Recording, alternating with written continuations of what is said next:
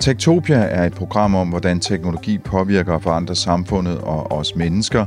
Tektopia er produceret på Radio 4 af Ingeniørforeningen IDA med støtte fra Innovation Center Danmark, Messecenter Herning og IDA Forsikring. Mit navn er Henrik Føns, og det er mig, der bestemmer i Tektopia.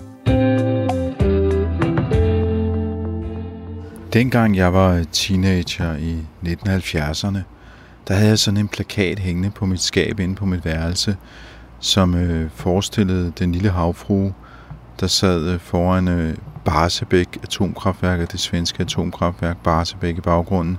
Og det, der var med den lille havfrue, det var, at hun var helt afpillet. Hun var kun et skelet. Øh, og så stod der på øh, plakaten, stop Barsebæk, eller luk Barsebæk, jeg kan ikke helt huske det mere. Men det var en plakat, man øh, fik øh, hos øh, Ekstrabladet. Og så havde jeg også en lille klistermærke, atomkraft, nej tak. Så bekendt er vi jo ikke atomkraft i Danmark. Det fik vi aldrig nogensinde i modsætning til svenskerne for eksempel, eller tyskerne på den anden side af grænsen.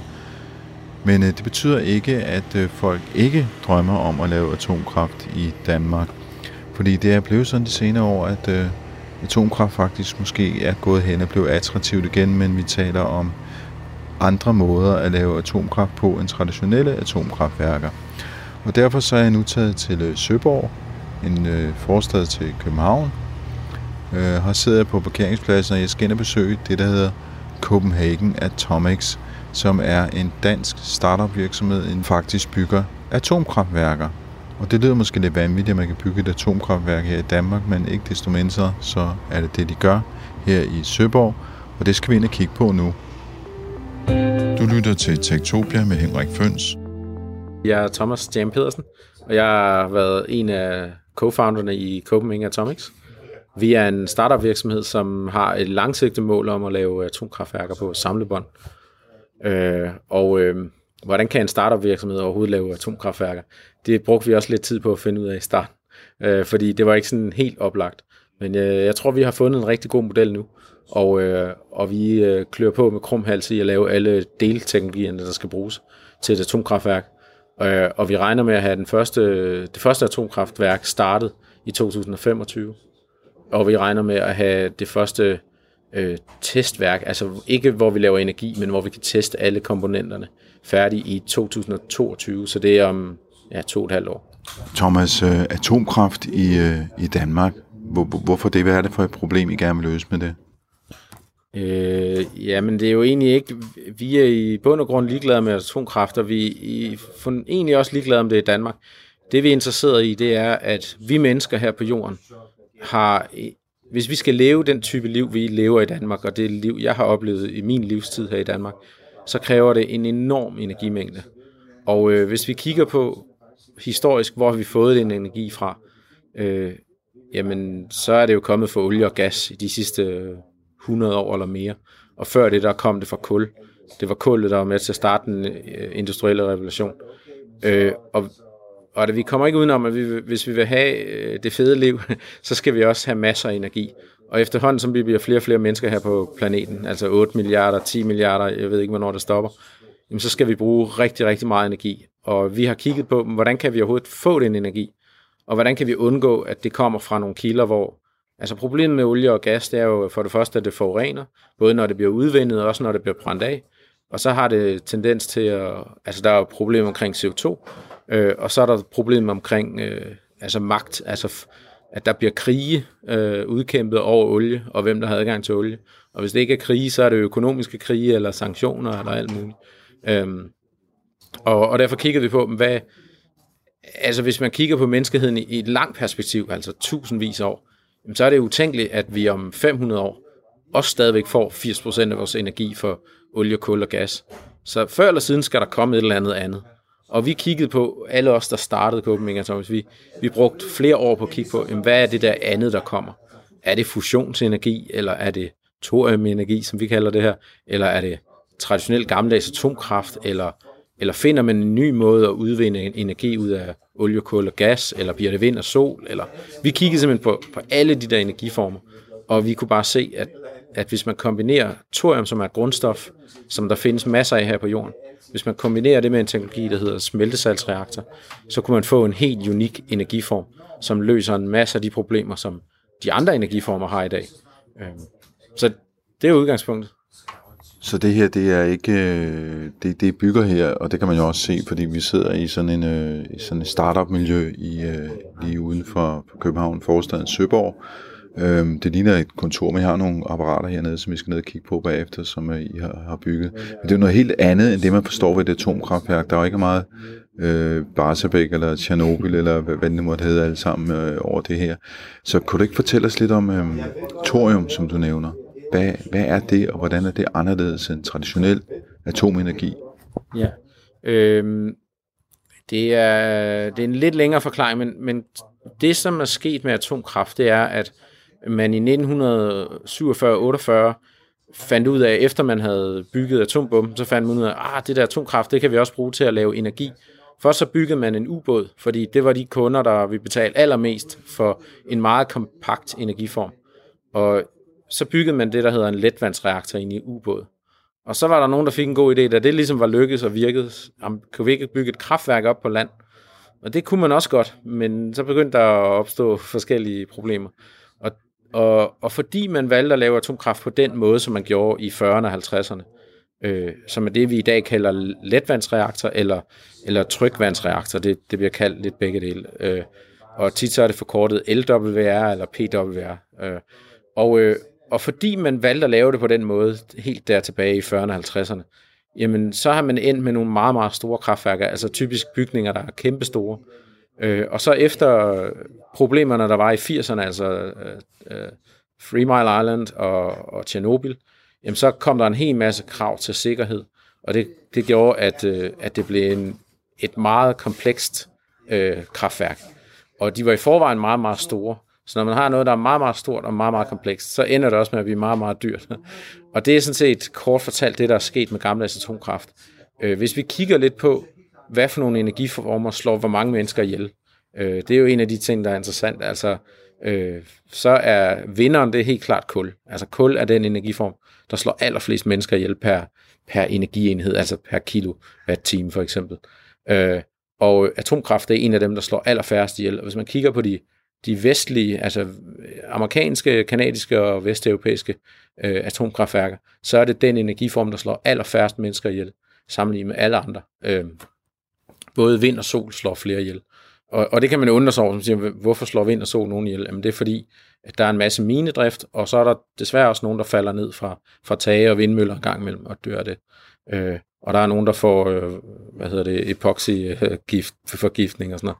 Så, så det, det er også, altså vind og sol er gode energiformer i den, i, altså i det, at det slår meget færre mennesker ihjel end olie, kul og gas. Men, men det kan stadigvæk ikke slå atomkraft i Vesteuropa. Og det er jo lidt... Øh, øh, når, når du siger det, har det ikke også noget at gøre med, hvor udbredt de forskellige energiformer er? Altså, der er flere Nej. kulkraftværker, end der er kernekraftværker osv. Nej, fordi det er jo regnet per, per kilowatt-time. Så det handler om, for hver gang jeg køber en kilowatt-time energi, hvor hvor mange mennesker bliver der så slået ihjel. Det er selvfølgelig ikke, det er ikke en per kilowatt-time, det er jo 0,000 et eller andet, men, men det er stadigvæk øh, per kilowatt-time, så bliver der slået flere ihjel øh, ved alle andre energiformer end atomkraft. Men, men, men, men det du prøver at sige her, ja. det er altså, at atomenergi, kernekraft er øh, ikke så farligt, som vi går rundt og tror? Ja, helt sikkert. Altså, der, der, der er en fuldstændig misforhold imellem øh, den oplevelse, der er i befolkningen af atomkraft, og så det, der er rent faktisk sker. Øh, hvis man nu tager Fukushima for eksempel, øh, som altså alle, man spørger på gaden, ved, hvad Fukushima er, øh, men der døde kun én mand af selve ulykken. Så døde der nogen, fordi de prøvede at flygte væk i en frygtelig fart, så de kørte galt og alt muligt, og så er der også døde nogen af simpelthen det at blive flyttet. Men det var slet ikke nødvendigt at flytte nogen. Altså, der har ikke været så højt radioaktivitetsniveau, så det var nødvendigt at flytte nogen. Så det var en fejlbeslutning af politikerne, men det kan man ikke gøre noget ved nu. Øh, men samtidig så var der en øh, hvad hedder det, tsunami, som slog, jeg kan ikke huske, var det ikke 200.000 mennesker ihjel? Altså sådan et eller andet kæmpe antal mennesker. Øh, og det glemmer man nogle gange lidt, og man husker bare, Fukushima, det var farligt, men det var det reelt ikke. Altså, der dør flere i trafikken i Danmark hver dag, øh, og det gør vi jo ikke rigtig noget ved. Jeg har sådan et andet sjovt tal, det er, hvis man kigger på øh, rygning for eksempel i, i EU, der dør der 700.000 mennesker om året af rygning. Øh, og det, altså, det er jo et astronomisk større tal, end det, der dør af energiudvinding, og især af atomkraft. Så Øh, så nogle gange så går den offentlige debat øh, helt ud af gevind og, og er langt væk fra virkeligheden. Altså så langt væk, så det er humoristisk øh, for os, der ved noget om det. Øhm. Men vi, vi skal tilbage til ja. det der thorium, fordi det, det I laver her, det er, det er en thoriumreaktor, så vidt jeg har forstået. Ja. Kan du fortælle os, hvad er thorium, hvis man ikke lige du ved, har sin fysikundervisning så præsent i hovedet? Det har de færreste af os. Jeg kan for eksempel ikke rigtig huske, hvad fanden thorium er for noget. Nej, og det kan jeg godt forstå. Og jeg, øh, altså jeg havde lært noget en lille smule om det, da jeg selv øh, læste på universitetet. Og, øh, og så fe, øh, senere måtte jeg så også læse op på det igen, ikke? Fordi, for jeg havde det heller ikke præsent. Øh, thorium er et grundstof, øh, som er en af stofferne i det periodiske system. Det er et metal, og det findes ude i jorden, så man graver det op af jorden, ligesom hvis man udvinder kover eller jern. Øh, og øh, der findes masser af thorium her på planeten, så det er ikke noget, vi løber tør for øh, forløbig. Og det findes jo også næsten alle lande i verden, så det er heller ikke noget, ligesom olie, kul og gas, som primært findes i nogle få lande. Øh, så det, og, og thorium, det er så et metal, øh, og det, kan man, det fandt man ud af i 1942, at det kan man faktisk spalte, fordi det er et tungt grundstof, altså, øh, og helt op i den, den, hvad skal man sige, den, den sidste ende af det periodiske system, det ligger to, øh, to positioner ved siden af uran i det periodiske system. Øh, og det gør, at man kan, man kan spalte thorium og få lavet masser af energi ud af det. Og en, en kugle øh, lidt mindre end en golfkugle, øh, den energi, hvis, hvis man havde en kugle på størrelse med en golfkugle lavet af thorium, så kunne den levere alt det energi, som man skal bruge i hele sit liv til alting, altså både til at varme sit hus op og, og lave, lave mad på, og øh, til den energi, der skal bruges til at producere alle de produkter, man skal bruge i hele sit liv, og al transport, og, og ens egen andel af, af alle veje, og hospitaler og bygninger osv. Så, videre. så det er en enorm mængde energi øh, i en meget lille kugle, altså på størrelse med en golfbold. Og udfordringen er ikke så meget at udvinde thorium ud af jorden, det, det ved man faktisk, hvordan man gør, det er ikke særlig dyrt. Udfordringen er at lave kuglen om til energi, altså få, få øh, thorium spaltet og få produceret energien. Øh, og øh, der har været forskellige, lavet forskellige forsøg med det igennem øh, altså tidligere årtier, med hvordan det kan gøres. Øh, og den bedste måde at gøre det på, det er, de fleste forskere er enige om, det er at bruge noget, der hedder en saltsmeltreaktor. Og der har været bygget en saltsmeltreaktor tilbage i 60'erne i USA, som kørte, men den kørte ikke på thorium.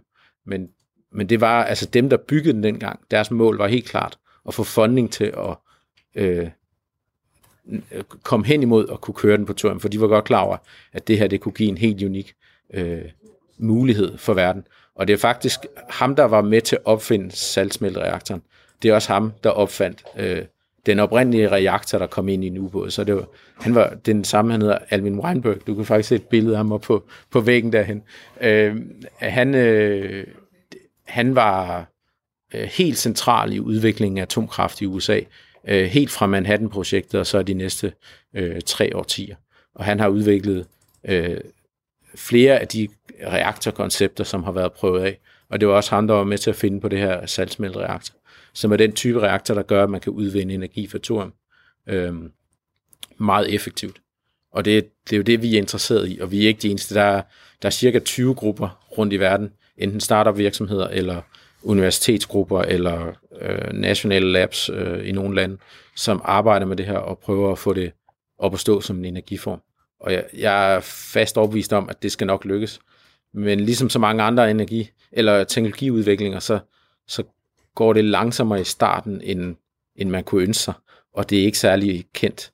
Altså, jeg ved, du har rapporteret rigtig meget om uh, internettets uh, udbredelse, og hvor vi ved, at internet blev opfundet i 60'erne, men det var først helt op i 90'erne, at det overhovedet begyndte at få momentum, og det var først efter år 2000, at, at der kom økonomi i det, og det var, det var der, det blev udbredt til, til mange mennesker. Så det, det er en teknologi, som er jo virkelig, virkelig virkelig men alligevel så tog den 30-40 år at, at komme ud i markedet. Og det vil vi også opleve med det her thorium-energi, at det kommer ikke sådan lige på fem år. Altså det er den lidt længere bane. Du lytter til Tektopia med Henrik Føns. Kunne du gå lidt mere i dybden med, med den der salgsmelter-teknologi, øh, for vi ligesom kan forstå, hvordan det her det rent faktisk bliver til energi, og hvad det har at gøre med øh, atomkraft? Ja, øh, meget gerne. Øh, så hvis vi lige kort skal sige, hvad, hvordan, hvad er det vigtigste forskel for saltsmeltereaktor og så klassisk gammeldags atomkraftværker, så er den, den vigtigste forskel, det er, at, at klassisk gammeldags atomkraftværker, øh, de bruger vand som det medie, der, der tager energien ud fra kernen og ud til en generator, der laver strøm for eksempel. Og det vand, det skal være under meget højt tryk, for at man får en effektiv øh, konvertering fra varme til energi. Og, og derfor, det, det er det, der gør, at et atomkraftværk det er kæmpestort. Det er, at man bruger vand. Øh, og den næste udfordring ved gammeldags atomkraftværker, det er, at når man spalter uran ind i dem, så kommer der noget, der hedder fissionsprodukter. Og fissionsprodukter, de gør, at processen ikke er særlig effektiv. Det er noget, der hedder ø- ø- neutronøkonomi. Øh, men forestil dig, at du havde en benzinmotor eller en dieselmotor, og du ikke kunne tage øh, udstødningen ud af motoren. Al udstødning, den skulle blive inde i motoren. Så er, det, så er det svært at få den til at køre særlig effektivt ret lang tid. Og det er faktisk det, der sker i et gammelt atomkraftværk, det er, at de her fissionsprodukter, altså øh, hvad skal man sige, affaldsprodukterne eller slutprodukterne efter afbrændingen, dem får man ikke ud, de bliver derinde. Og det er derfor, at det er meget ineffektivt. Altså typisk så siger man, at, at når man brænder uran af i et klassisk atomkraftværk, så er det under 1% af den uran, man har gravet op af jorden, som man kan brænde af. Simpelthen fordi de bare er hammerne ineffektive. Men på trods af det, kan de stadigvæk lave energi og næsten være øh, konkurrencedygtige. Det, der er forskellen ved thoriumenergi, det er, at man bruger ikke vand, og det betyder, at man kan få man kan bygge det meget, meget mindre, altså faktor 10 eller faktor 100 mindre end klassisk atomkraft. Og det gør det jo interessant, fordi så bliver det også meget billigere, når noget er meget mindre, og det bliver, det bliver nemmere at producere det på, på samlebånd, altså en fabrik, hvor man producerer det, og så øh, vi har jo et mål om, vi gerne vil bygge vores værker i noget, der minder om en, en 40 fod shipping container. Så det vil sige, det, det er noget, man kan producere på et samlebånd, og så kan man sætte det på en lastbil, og så kan man køre det et eller andet sted hen i verden, hvor man vil have lavet energi, og så kan man sætte den af der, og så bare begynde at produ- producere energi. Og, og man kan sagtens producere et, et kraftværk på 50 eller 100 megawatt hver dag. Så det er en kæmpe mængde energiproduktion, man kan lave på den måde. Så det skalerer rigtig, rigtig, rigtig godt sammenlignet med klassisk atomkraft. Den anden store forskel øh, i forhold til det her med, i gamle atomkraft, der kan man ikke få affaldsstofferne ud. Det kan man, når man bruger en saltsmeltereaktor. Og det gør, at man kan brænde, i stedet for 1% af, af det, man propper ind i, man kan brænde af, så kan man nu brænde næsten 100% af. Og det vil sige, at man får også 100 gange mindre mindrift, og man får 100 gange mindre affald. Og oven i købet, så det affald, man får, det er noget meget bedre affald. Altså det, det er meget mindre problematisk at håndtere. Så der, der er en masse fordele ved saltsmeltereaktor, som gør, at den her teknologi den har potentiale til virkelig at disrupte andre energiformer, når den først er færdigudviklet. Men det, det vil sige, at den skaber ikke affald, som skal, skal nedbrydes over mange, mange, mange år, som bliver efterladt til, til de næste generationer? Øh, det er lidt mere komplekst end som så. Øh, i for, altså, øh, igen, i, hvis man spørger folk ude i samfundet, sådan den helt almindelige mand på gaden, så ved han bare, at, at atomaffald det er super farligt, og det skal gemmes i en million år. Men det er ikke helt rigtigt. Altså, hvis man kigger på affald fra et klassisk atomkraftværk, så 95% af det, der er i det, man kalder spent nuclear fuel. Der er forskellige affaldsformer, men den værste affaldsform, altså den, som folk er mest bekymrede over, det er det brugte brændsel. Og 95% af det, den volumen, der er i det brugte brændsel, det er uran, og det er nøjagtigt den samme uran, som det, man graver op i jorden. Så det vil sige, det er noget, der kommer ud fra naturen. Og når det er ude i naturen, så kalder vi det ikke affald. Men når det så har været inde i et atomkraftværk, det er nøjagtigt det samme atomer stadigvæk, men så kalder vi det lige pludselig affald, og så er det super farligt. Men det er et naturligt produkt. Så 95% af det er i princippet ikke noget problem. Det ved vi også godt, hvordan vi skal håndtere teknisk. Problemet er, at det er økonomisk dyrt at skille ad for de andre sidste par procent. Og af de sidste procent, der er der en del af det, der hedder fusionsprodukter, som er cirka 3-4 procent. Øh, og de, har ikke, de er ikke radioaktive i særlig mange år. Altså, de kan, hvis, hvis man kunne skille fusionsprodukterne ud, så skulle man kun lære dem i 300 år. Så er de nået ned på et radioaktivitetsniveau, hvor de er ufarlige og, og af, efter, efterlade dem ude i naturen. Øh, og så er der den sidste del, det er noget, der hedder transuraner. Dem er der meget lidt af, øh, men de er til gengæld radioaktive i rigtig, rigtig mange år. Men det gode ved transuranerne, det er altså, at de er rigtig, rigtig mange penge værd, fordi der findes der ikke ret meget. Altså det er jo det er nogle ting, som der findes meget lidt af her på jorden. Så ligesom guld og diamanter, så er de meget værd, fordi der ikke findes ret meget. Så hvis man kan få lavet en økonomisk proces, hvor det kan betale sig at skille de der tre ting ad, så kan man løse affaldsproblemet. Og det er faktisk en del af historien omkring thoriumenergi, det er, at man kan, man kan tage de der transuraner, som er det aller værste fra klassisk atomkraft, og, og man kan få man kan godt få økonomi i at skille det ad, og så kan man tage de transuraner, og så kan man brænde dem af sammen med thorium. Det kan lade sig gøre. Og så får man det der, der hedder fissionsprodukter ud, som kun skal læres i 300 år. Så reelt set, så får man taget et problem, som, hvor man har noget kompleks brændsel, som skal opbevares i rigtig mange år, fordi en lille del af det er meget radioaktivt. Og så får man det brudt ned og delt op i nogle dele, så man kan håndtere det. Og så får man gjort dem, der var værst, til noget, der kun skal læres i 300 år. Så det er også en del af, af historien om Copenhagen Atomics, det er, at vi vil, vi vil lave de her waste burner, altså vores thorium saltsmeltreaktor vil vi lave i en konfiguration, der hedder en waste burner, hvor man brænder øh, brugt brændsel af for gamle atomkraftværker. Øh, ja, så det, så det er en del af historien i, hvordan det hele kan lade sig gøre, hvordan der kan komme økonomi i det. Og waste burner, det betyder så en affaldsafbrænder? I... Ja, ja. Øh, ja, atomaffaldsafbrænder, ja. Øh. Jeg kan ikke lade være med at tænke på, fordi hvis det har været på banen så længe, helt tilbage fra, fra 40'erne, hmm. hvorfor er der ikke nogen, der har gjort det her før? Øh, jamen folkene, det, den reaktor, jeg, jeg kort, kort nævnte før, som var bygget ved Oak Ridge National Lab i USA i Tennessee tilbage i 60'erne, øh, de folk, der var tilknyttet der, de ville også rigtig gerne have fortsat med det.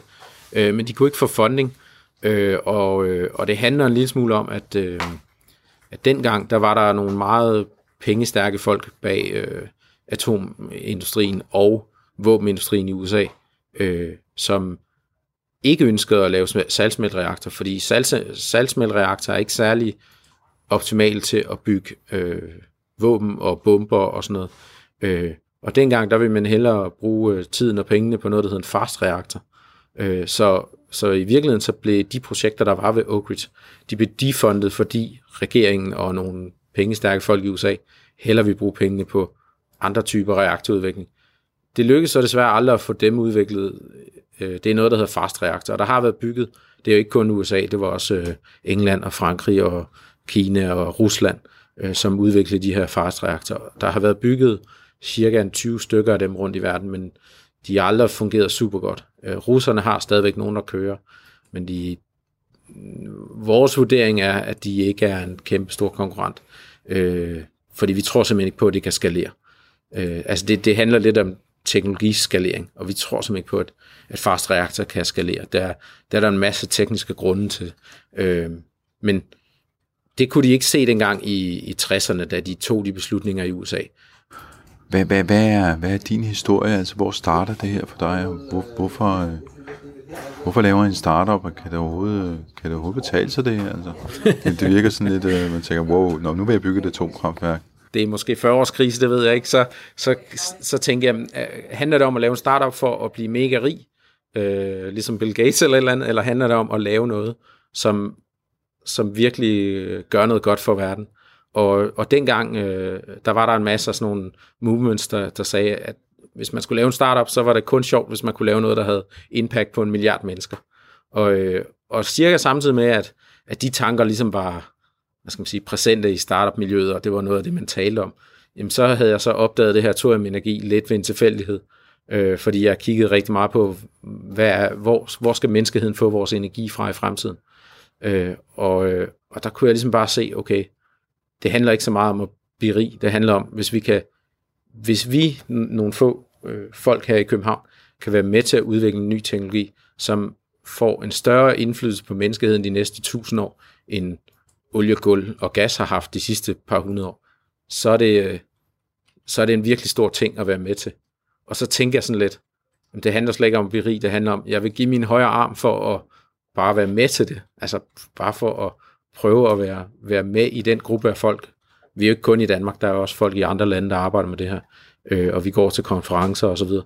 Øh, og, og få en chance for, i den tid, man nu lever her på planeten, at være med til at udvikle noget, der er sådan helt fundamentalt for menneskehedens fremtid. Og det tror vi virkelig på, det er. Og det er selvfølgelig også derfor, vi gør det. Vi har ikke bevist det endnu. Det, det har vi stadigvæk til gode at bevise. Men det er simpelthen derfor, vi gør det. Og, øh, og vi tror fuldt og fast på, at vi får udviklet en teknologi her, som er, bliver helt afgørende for, for menneskers øh, øh, levevilkår på jorden her de næste ja, par tusind år. Øh, og så kan det godt ske i fremtiden, der kommer andre energiformer, altså fusion-energi eller noget andet.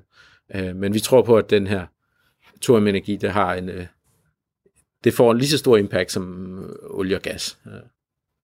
Øh, det vigtigste i starten, det er at forstå, hvad er de, hvad er de tekniske udfordringer, hvad er det, hvad er det for nogle fysiske love og rammer, man skal holde sig indenfor, og hvad kan lade sig gøre i praksis, og så også prøve at finde en vej, hvor det kan lade sig gøre økonomisk, fordi det er jo den helt store udfordring i sådan noget her. Man kan sagtens sidde og tænke sig frem til, at det her kan, kan lade sig gøre, hvis man bare har uendelig mange penge. Men det har man jo ikke. og specielt ikke, når man udvikler ny teknologi, så er det jo altid øh, udfordringen der, det er at finde en vej, øh, selvom det ser helt umuligt ud. Øh, og det har vi været ret gode til. Altså vi har øh, vi fandt tidligt ud af, at, øh, at den rigtige vej for os, altså Copenhagen Atomics, det er at bygge øh, testsystemer. Fordi det viser sig, at mange af de teknologier, som skal udvikles i forbindelse med, at vi laver testsystemer, de kan også bruges i andre industrier. Og det betyder, at vi kan begynde at få noget omsætning, og vi kan begynde at få noget validering af de ting, vi bygger. Øh, og vi har udviklet en række øh, produkter, som vi allerede i dag sælger. Øh, og det er blandt andet pumper. Vi har udviklet en helt unik pumpe, som kan pumpe de her meget korrosive salte. Og korrosiv, det betyder, at, at, at saltene de er de ætser. Altså de får, de får rustfri stål til at ruste. Øh, og det er fordi, man, man for at det her system virker, så har man de her salte, øh, dem pumper man rundt i nogle rustfri rør ved cirka 700 grader. Og ved 700 grader, der er ting rødglødende. Så det, man skal forestille sig, at man har nogle øh, rustfri stålrør, øh, hvor man pumper en væske rundt i, som er så varm, så det hele er rødglødende. Og det vil sige, pumpen og alt deromkring, det er også, det hele er rødglødende, altså på vej hen mod at smelte. Øh, men man kan konstruere det på en måde, så man kan få det til at virke, få det til at holde. Og det er det, vi gør. Det er hele det arbejde, vi laver, det går ud på at beviser, at de her teknologier kan laves, og de kan holde, og vi viser, at vi kan løse nogle af de udfordringer, som folkene, der arbejdede på det i 60'erne, oplevede, at de havde dengang. Altså, de skrev tykke rapporter om, om nogle af de problemer, de løb ind i, og det er i virkeligheden der, vi tager fat, og vi, vi går skridt videre og løser nogle af de problemer, de havde. Og vi har jo en kæmpe fordel i dag, at at vi har hele internettet til rådighed med masser af information, og der findes nye øh, metoder i dag, og nye øh, materialer, der gør, at man kan gøre nogle ting i dag, som man slet ikke kunne dengang. Øh, og så er det blevet meget, meget billigere at producere prototyper i dag, end det var tilbage i tid. Øh, og det er også med til at gøre, at vi kan at vi som starter virksomhed overhovedet kan komme nogen vegne med det her. Øh, så vi har så fundet en vej, hvor vi kan producere øh, komponenter og, og produkter, øh, som kan bruges både i den her industri, som vi er i, altså industrien for salgsmeltereaktor, som er i sin meget, meget tidlige stadie, altså hvor den. Øh, men det kan også bruges i nogle andre industrier, og det er blandt andet noget, der hedder øh, Molten Salt Energy Storage, altså at lære energi i, i salte. Det er sådan nogle kæmpe store tanke, hvor man lærer varme i, i salte. Øh, og så i det, der hedder Concentrated Solar Power, det er, øh, det er de her øh, energikraftværker, som man typisk ser ude i ørkenen, hvor der er en tusindvis af spejle, som modtager solen, og som peger det op på et tårn, hvor man så i det her tårn varmer salte op til en høj temperatur. Og de bruger også nogle af de teknologier, vi bruger. Øh, og lige præcis de sidste der, altså Concentrated Solar Power, er i øjeblikket på en rejse, hvor de skal prøve at hæve temperaturen fra omkring 500 grader, hvor de kører i dag, og så komme op i nærheden af 700-800 grader. Og det er noget af det, som vi er rigtig gode til, og hvor vi kan hjælpe dem. Øh, og det betyder, at vi kan få vores teknologi valideret, uden at vi behøver at bygge et helt atomkraftværk. Og det betyder også, at vi kan få noget omsætning på et tidligt stadie, hvor vi stadigvæk er en helt ung startup virksomhed. Så det er nogle af de ting, der gør, at vi har fundet ud af, hvordan kan man få det her til at lykkes som startup virksomhed, uden at man har en rig onkel, der kan give et kæmpe stort beløb. Ja. I, uh, I bygger noget hernede i uh, den anden ende af lokalet. Skulle I ikke uh, gå ned og kigge på, hvad det er? Jo. Øh, jeg vil faktisk, jeg, jeg finder lige en nøgle, så åbner jeg lige for den der. Jeg tror ikke, den er ikke særlig varm. Lige nu så øh, skruer Thomas en plade af et øh, apparat, som jeg ikke helt ved, hvad er for et apparat, og ja, stiller men... den på gulvet, og, hvad, hvad, hvad, og så kigger vi ind i... Det her, det er, ja. Øh, det er vores øh, primære testsystem, hvor vi tester vores komponenter. Og øh, det er indrettet som en stor ovn, øh, og øh, ovnen er indrettet på en måde, så inderst i ovnen, der er der ligesom et, et testkredsløb. Øh, og det er meget, meget vigtigt i vores systemer, at der ikke kommer fugt, og der ikke kommer oxygen ind til systemerne. Fordi hvis der er fugt eller oxygen til stede, så får man rust eller korrosion lige med det samme. Og øh, måske kan jeg finde et eksempel på senere, jeg kan vise dig, hvordan det, altså det ruster virkelig, virkelig hurtigt, selvom det er rustfri stål. øh, så udfordringen her, det er at få lavet nogle systemer, hvor der, hvor der er meget, meget lidt oxygen og meget lidt fugt til stede. Og det gør vi ved at lave ligesom, øh, øh, en indkapsling inde i en anden indkapsling, så der er ligesom to lag indkapsling. Og i det inderste system, vi, vi bruger argon, som, øh, som er en inert øh, gasform, eller gasart, øh, som det man kalder covergas, eller øh, til at holde ilt og fugt ude. Øh, og i den her ovn her, der kan vi simpelthen lave nogle testopstillinger, hvor vi kan lave forsøg med forskellige øh, komponenter, som vi er nødt til at teste, til, som skal bruges både til vores første øh, test atomkraftværk, men som også kan bruges i de her andre industrier, som jeg taler om, øh, Molten Salt Energy Storage og Concentrated Solar Power. Øh. Der, der står sådan et, øh, et kar nede i bunden, øh, som man laver stål, rustfri stål ud fra. Ja. Er, er det der salten befinder sig? Ja, lige nu der er der noget øh, salt i den her, øh, den her tank her. Det er en tank på cirka 40 liter, øh, som er to tredjedel fyldt med salt. Øh, og øh, vi bruger forskellige salte til at teste med. Øh, og der er, generelt så deler man de salte ind i tre øh, hovedgrupper. Det er fluoridsalte, kloridsalte og så nitratsalte. Øh, og den salt, der er i her lige nu, det er en fluoridsalt. Øh, og, og der findes igen en lang række fluoridsalter. Den vi bedst kan lide at teste med, det er en, der hedder Flinak. Øh, og det er fordi, den er billig og ikke særlig giftig og nem at få fat i og forholdsvis nem at håndtere.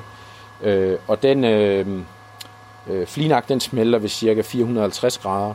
Øh, så det er derfor, i, i ovnen her, der kan vi så lave forskellige opsætninger, og så kan vi varme det op til ja, over 450, 500 grader, 600, 700, og så kan vi lave vores forsøg. Og vores forsøg, det er typisk ting, hvor vi kører pumpetest, der kører i ugevis eller månedsvis, hvor vi simpelthen prøver at finde ud af, hvad er det, der fejler i, i de her opstillinger ved de her høje temperaturer. Øh, og øh, vi har haft rigtig mange fejl. og det er selvfølgelig det, som det går ud på. Det er at finde de fejl og løse dem på en måde, så, vi, så det stadigvæk bliver billigt, og så vi kan komme videre i, i en fart. Øh, og øh, nu, altså nogle af vores øh, kæpheste, det er, at øh, man kan godt købe dyre materialer, som holder længere, øh, men det, de er meget dyre. De er typisk faktisk 10 dyrere end rustfri stål. Og øh, det betyder også, at når materialerne er dyre, så skal man bruge længere tid på at skaffe funding, fordi man skal bruge flere penge. Og man skal også bruge længere tid på at finde underleverandører, fordi det er meget færre, der kan producere noget i de materialer. Øh, og, og det man lærer, det går typisk ikke hurtigere. Så derfor har vi valgt at bruge rustfri stål. Og så ved vi godt, at det fejler hurtigere, men det er faktisk en fordel, fordi så får vi hurtigere svar på det resultat, vi gerne vil, og kan komme videre. Og vi ved godt, at når vi først har lært alle fejlene, så kan vi købe de dyre materialer, og så ved vi, at de holder noget længere. Vi ved så ikke, hvor meget længere, men, men det er heller ikke så vigtigt lige nu, fordi lige nu handler det om at finde alle fejlene og få dem fikset.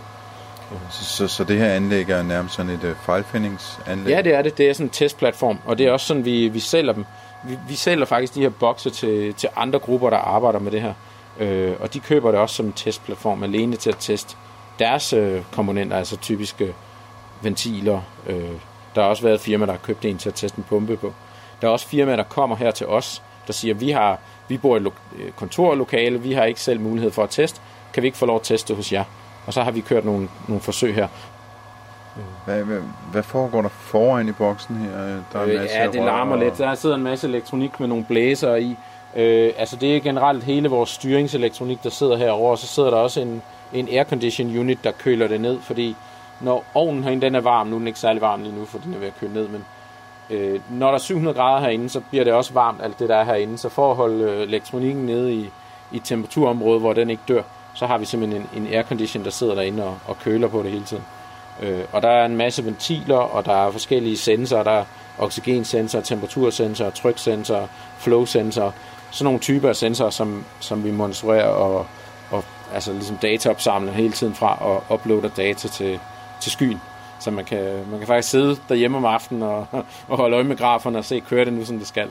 Øh, og det har vi tit, øh, jeg har sågar sat øh, væk ud nogle gange om natten, og stået op midt om natten og set, øh, ja, kører det, som det skal på de der grafer, og så kan man gå i seng igen og sige, åh, oh, okay, det kører stadigvæk. Og jeg har også været ude for nogle gange om natten, at jeg skulle over og starte noget igen, der var gået i stå. Øh, men det har vi ikke gjort så meget nu, men det, det tror jeg faktisk, der kommer mere af. Øh, fordi vi får i øjeblikket mange testsystemer. Øh, vi, det handler også om, at vi har fået en, øh, en investering på 1 million euro her i, øh, i forsommeren, øh, og det betyder, at vi har lidt flere penge at arbejde med lige nu. og, det, og det betyder også, at vi har bygget, eller vi er ved at udvide vores kapacitet af, af testfaciliteter øh, meget kraftigt lige nu. Øh, og nu kan du se her, der står fire af de her testloop ved siden af hinanden, og jeg regner med, at der står 10 af dem inden øh, året er ude. Øh, altså ude, ja, inden jul i virkeligheden.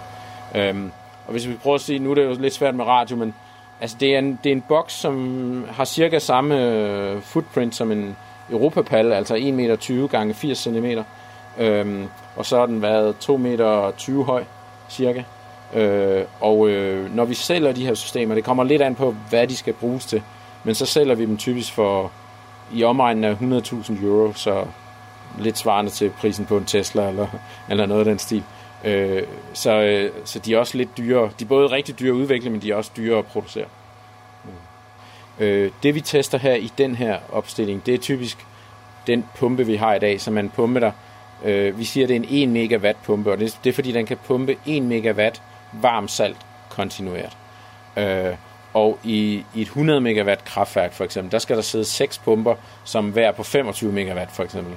Så, så det er væsentligt større pumper, men dem er vi simpelthen ikke kommet til at bygge endnu. Vi skal først have, have de små komponenter til at virke fuldstændig.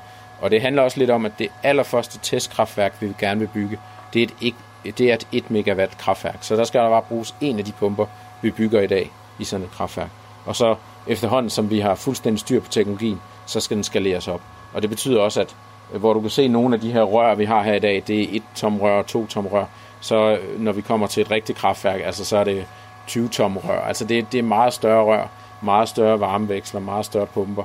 Øh, så, så når vi kommer til, til det rigtige kraftværk i en 40-fods container, så skal det er virkelig de samme komponenter, som vi har i dag.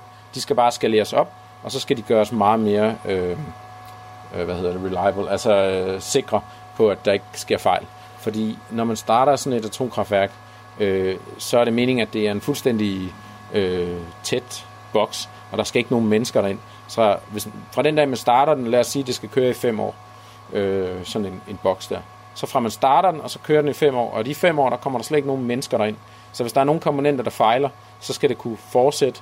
Altså det, det skal være redundant, sådan at, at de komponenter, hvor man ved, at der er risiko for, at nogle af dem fejler, der skal der være dubleringer i, nu snakker jeg før om pumpen, at vi regner med, at der skal være seks pumper på hver 25 megawatt kapacitet. Øh, simpelthen for, at man kan tåle, at nogle af dem står af i løbet af den der femårsperiode, men man har stadigvæk nok, nok kapacitet til at køre øh, i alle fem år. Og det, det gælder også de andre komponenter. Og, og grunden til, at der ikke må komme mennesker ind, er på grund af radioaktiviteten? Ja, det er, når et atomkraftværk kører, øh, så er det rigtig, rigtig radioaktivt. Øh, og så lige så snart man lukker det ned, så falder radioaktiviteten af efter en eksponentiel kurve. Og det vil sige, det er også det, vi har set i de atomulykker, der har været, det er, at de første dage efter et atomkraftværk stopper, der er det meget kritisk, at man får kølet, fordi, fordi der er stadigvæk en meget stor stråling, og der er stadig en meget stor øh, decay heat, altså den, den varme, der kommer fra, at, at øh, øh, der er en masse radioaktive isotoper derinde, som henfalder, øh, den, den skal man have fjernet. Og det, det er noget af det, der er gået galt i, i Fukushima for eksempel, det var, at de, de havde mistet strømmen, så de kunne ikke øh, pumpe kølevand, og derfor øh, så gik det galt, at de, de, kunne ikke, de kunne ikke komme af med varmen simpelthen. Øh. Da, da jeg var dreng, så havde jeg sådan en plakat fra Ekstrabladet af den lille havfru med Barsebæk i baggrunden. Den lille ja. havfru var et skelet, og det hed Stop Barsebæk. Okay. Og den, den der frygt for atomkraft, den sidder jo stadig rigtig mange mennesker. Ja. Så øhm, for at forstå det korrekt, thorium ryger ned i salt, smeltemaskinen der, ja. og så hører energien udvundet, men det er ikke farligt på samme måde som et gammeldags atomkraftværk. Nej, nu skal, nu skal jeg prøve at forklare det lidt, fordi der er, jeg, jeg kan godt forstå, at, at den, den brede befolkning ikke helt forstår det, og også har nogle, i virkeligheden fået en del misinformation igennem årene. Øh, men hvis vi, hvis vi tager det sådan helt grundlæggende, så, så er der en, en masse forskellige isotoper i naturen, som kan være radioaktive. Og så når man har nogle atomare processer, altså et atomkraftværk eller et fusionsenergi eller en, en partikelaccelerator, hvor man laver nye øh, typer isotoper, så kan man få lavet nogen, der ikke findes i naturen, men som også er radioaktive. Og de har alle sammen en eller anden halveringstid, som man kan slå op på Wikipedia, og så kan man se, okay, hvor, hvor radioaktive er de. Øh, men udover at de har en halveringstid, som typisk er opgivet i alt fra mikrosekunder op til milliarder år, øh, så, så har de også øh, nogle forskellige typer stråling. Nogle har alfa-stråling, nogle har beta-stråling, og nogle har gamma-stråling, og, og nogle har, altså de har også typisk en blanding af dem alle sammen. Og, og alt det der til sammen, det gør, det siger noget om, hvor farligt det er.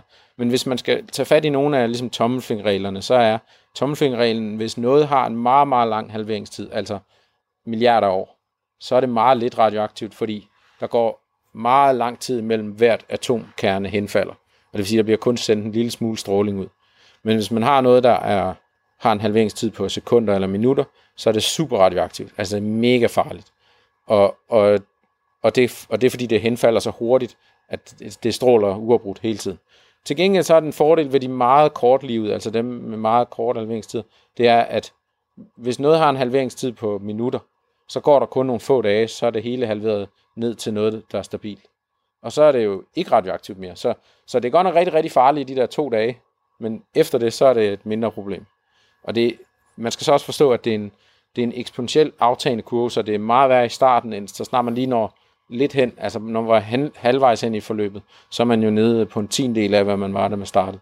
Eller mindre end, mindre end en tiendel. Um, øhm, så, så det var det omkring halveringstider, at, at det er i hvert fald vigtigt at huske på, at, at de ting, der er problematiske, det er virkelig dem midt i spektret, altså dem, dem som har 100 år eller 1000 år halveringstid, fordi de er stadigvæk så korte halveringstider, at de har forholdsvis radioaktiv, og de forsvinder ikke lige forløbig. Altså der, der, går, der går som sagt flere hundrede eller flere tusind år, før de forsvinder. Så de er problematiske. Men det gode ved naturen er, at de isotoper findes der i virkeligheden ikke ret mange af. Altså det, sådan er naturen bare indrettet, at der er kun nogle få af dem. Og øh, de, de, de inddeles lidt i nogle forskellige grupper, men den, den mest øh, markante gruppe, eller hvad man skal sige, det er dem, der hedder transuraner. Og det vil sige, det er de stoffer, som er i det periodiske system med et atomnummer højere end uran. Øh, og dem er der nærmest ikke nogen af i naturen. Det er nogen, der bliver skabt ved atomare processer, altså netop i et atomkraftværk, eller en atomaccelerator, eller et fusionsenergiværk. Øh, og, øh, og dem skal man håndtere på en fornuftig måde. Og det er jo noget af det, der er vigtigt med atomkraftindustrien, det er, at vi håndterer de der stoffer på en ansvarlig måde. Øh, og det jeg ser det fuldstændig parallelt i forhold til, til højspændingskabler. Altså, altså vi mennesker, vi, vi, jeg spørger tit folk, kan du huske, hvornår du fik at vide, at højspændingskabler, de er dødsens farlige, og halvanden volts batteri, det er ufarligt. Det, det er der ikke nogen mennesker, der rigtig kan svare på, men alle ved det. Og det er lidt sjovt. Øh, og, og strøm er lidt på den samme måde. Vi kan ikke se det. det. Det kan vi heller ikke med radioaktivitet. Det kan vi heller ikke se. Men vi ved godt, at når det handler om højspændingskabler, så skal vi holde os væk, og det er kun professionelle folk, der er trænet til at håndtere dem, der skal arbejde med det.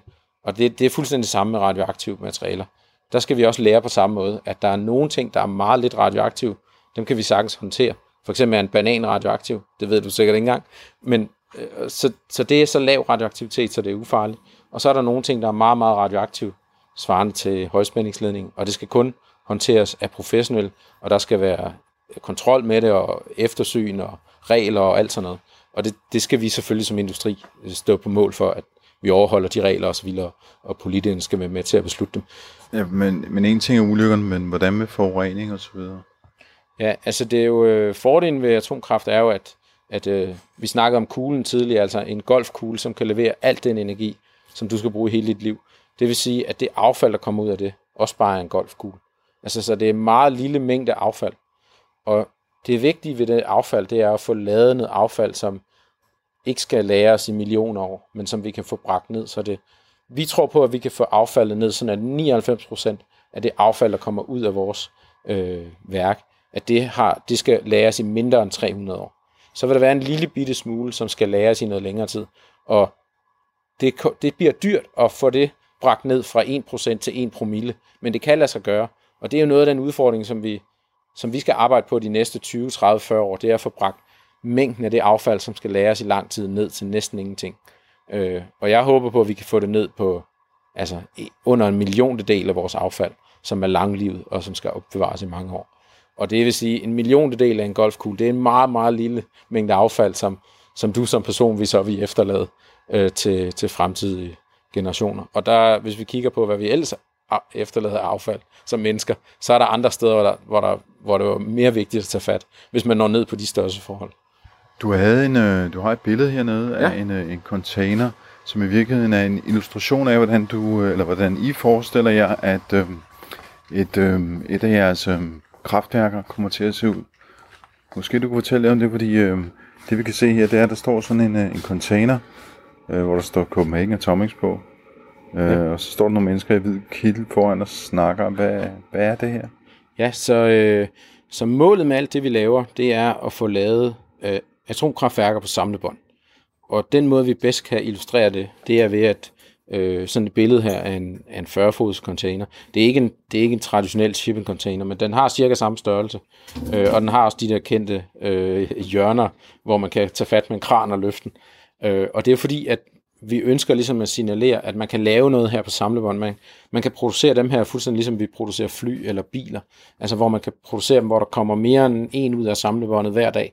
Og så sætter man den på et lastbil, og så kører man et eller andet sted hen i verden, hvor der er en by, der har brug for energi. Og så sætter lastbilen den af derude, og så starter man den op, og så producerer man energi. Og så kan den holde i et antal år, for eksempel fem år, og så skal den så køres tilbage til fabrikken og genanvendes. Øh, der vil være nogle af tingene, der kan genbruges, der vil være nogle ting, der skal smeltes om. Du lytter til Tektopia med Henrik Føns.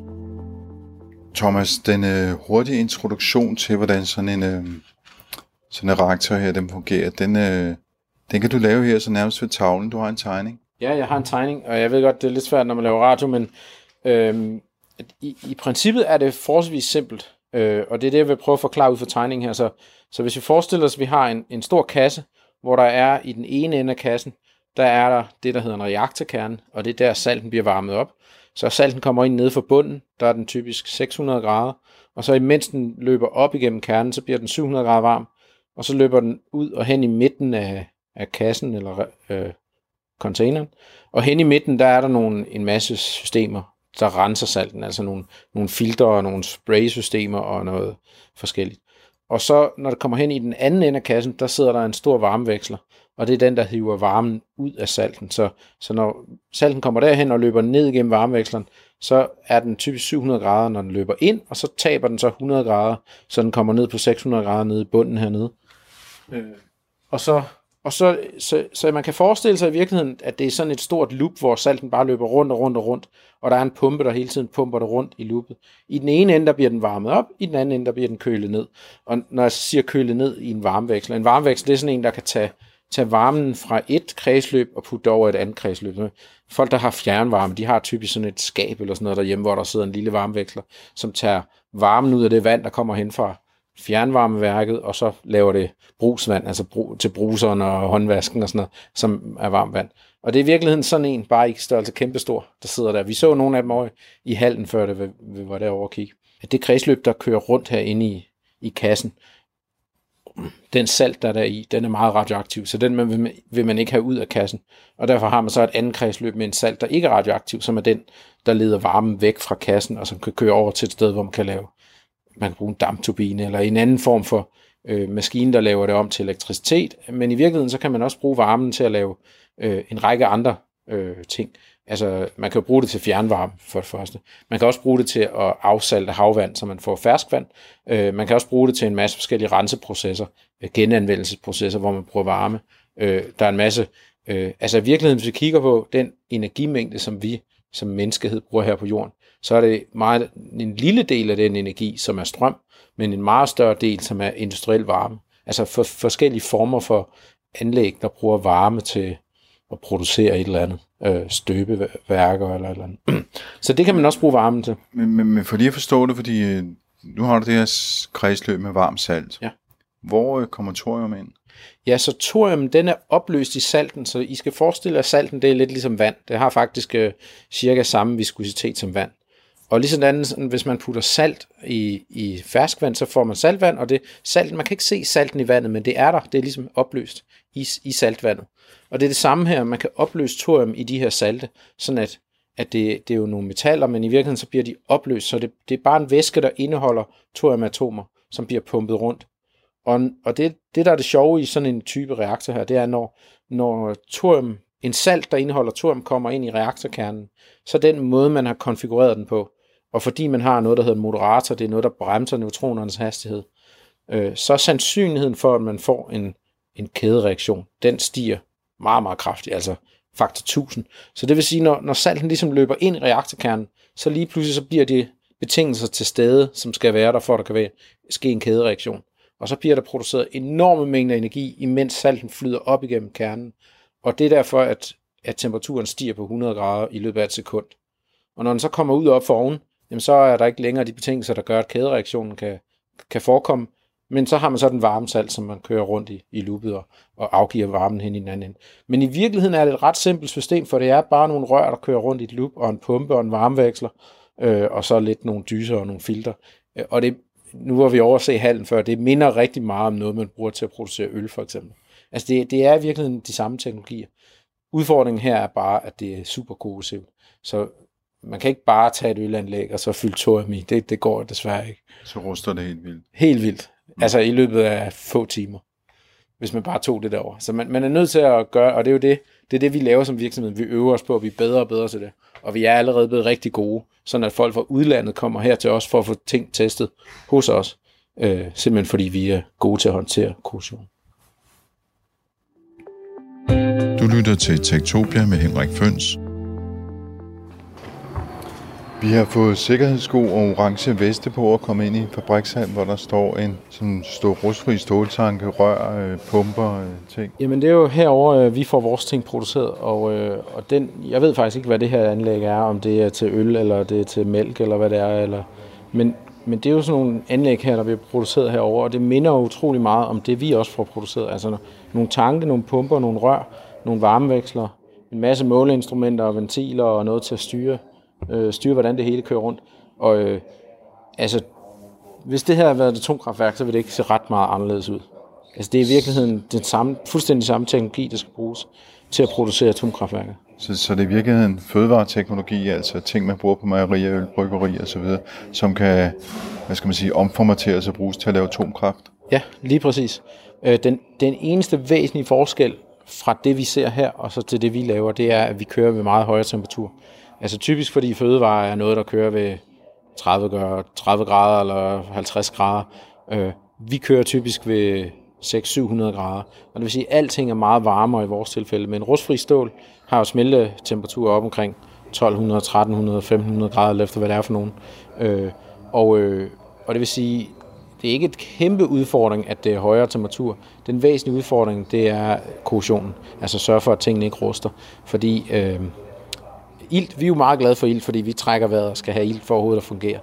Men ilt bliver meget, meget reaktivt, altså korrosivt. Altså det, det angriber alting og får det lavet om til rust ved høje temperatur. Og, og man, når man går op i temperatur, så den der korrosionsproces, den bliver virkelig øh, speedet op helt vildt. Øh, og det er selvfølgelig derfor, at, at et anlæg som det her, hvis vi skulle køre med det ved høje temperatur, så vil man sætte en kasse rundt om, og så vil man trække al ilten ud og fylde akkerne ind i stedet for, for at sørge for, at der ikke er noget, der får det til at kodere. Du lytter til Radio 4. Ja. Kunne man forestille sig sådan nogle container i, øh, i udviklingslande, hvor de måske ikke har øh, så stor energiproduktion? Ja, i meget, meget høj grad. Altså hvis man kigger på, hvor, øh, altså hvis man kigger på hele verdens energiforsyning, så bliver så os, der bor i Europa og USA og sådan noget, vi bruger utrolig meget energi per indbygger, hvorimod en, den største del af resten af verden har kun en lille mængde energi, og de ønsker alle sammen at få adgang til meget mere energi. Og derfor har man også en forventning om, at over 90 procent af, af væksten af, af bygge nye energiformer, det vil blive i Asien og Afrika. Øh, fordi cirka 80 procent af verdens befolkning bor i Asien og Afrika. Og det er dem, som har allermest behov for mere energi. Og det er også i øvrigt i de lande, man producerer mange af de produkter, vi andre konsumerer. Så, øh, så, så der, er, der er stor forventning til, at ikke bare atomkraft, men alle energiformer, øh, ligesom skal sælges primært i Asien og Afrika. Øh, og øh, og der, der er helt sikkert masser af lande i Asien og Afrika, som er interesseret i atomkræfter. Og især den her energiform, som er meget, det er meget billigere at komme i gang med sådan et atomkraftværk, end at bygge et traditionelt gammeldags atomkraftværk. Ja, hvem havde troet, at et anlæg, der kan lave øl, et ølbryggeri, også kan bruges til at lave atomkraft? Den havde vi nok ikke lige set komme, men øh, ikke desto mindre, så er det jo så det, Thomas Jan Petersen han drømmer om her i Copenhagen af Tomex. Du har lyttet til øh, Tektopia. Vi sender hver søndag kl. 13.05 her på Radio 4, og du kan også downloade udsendelsen som podcast fra radio4.dk.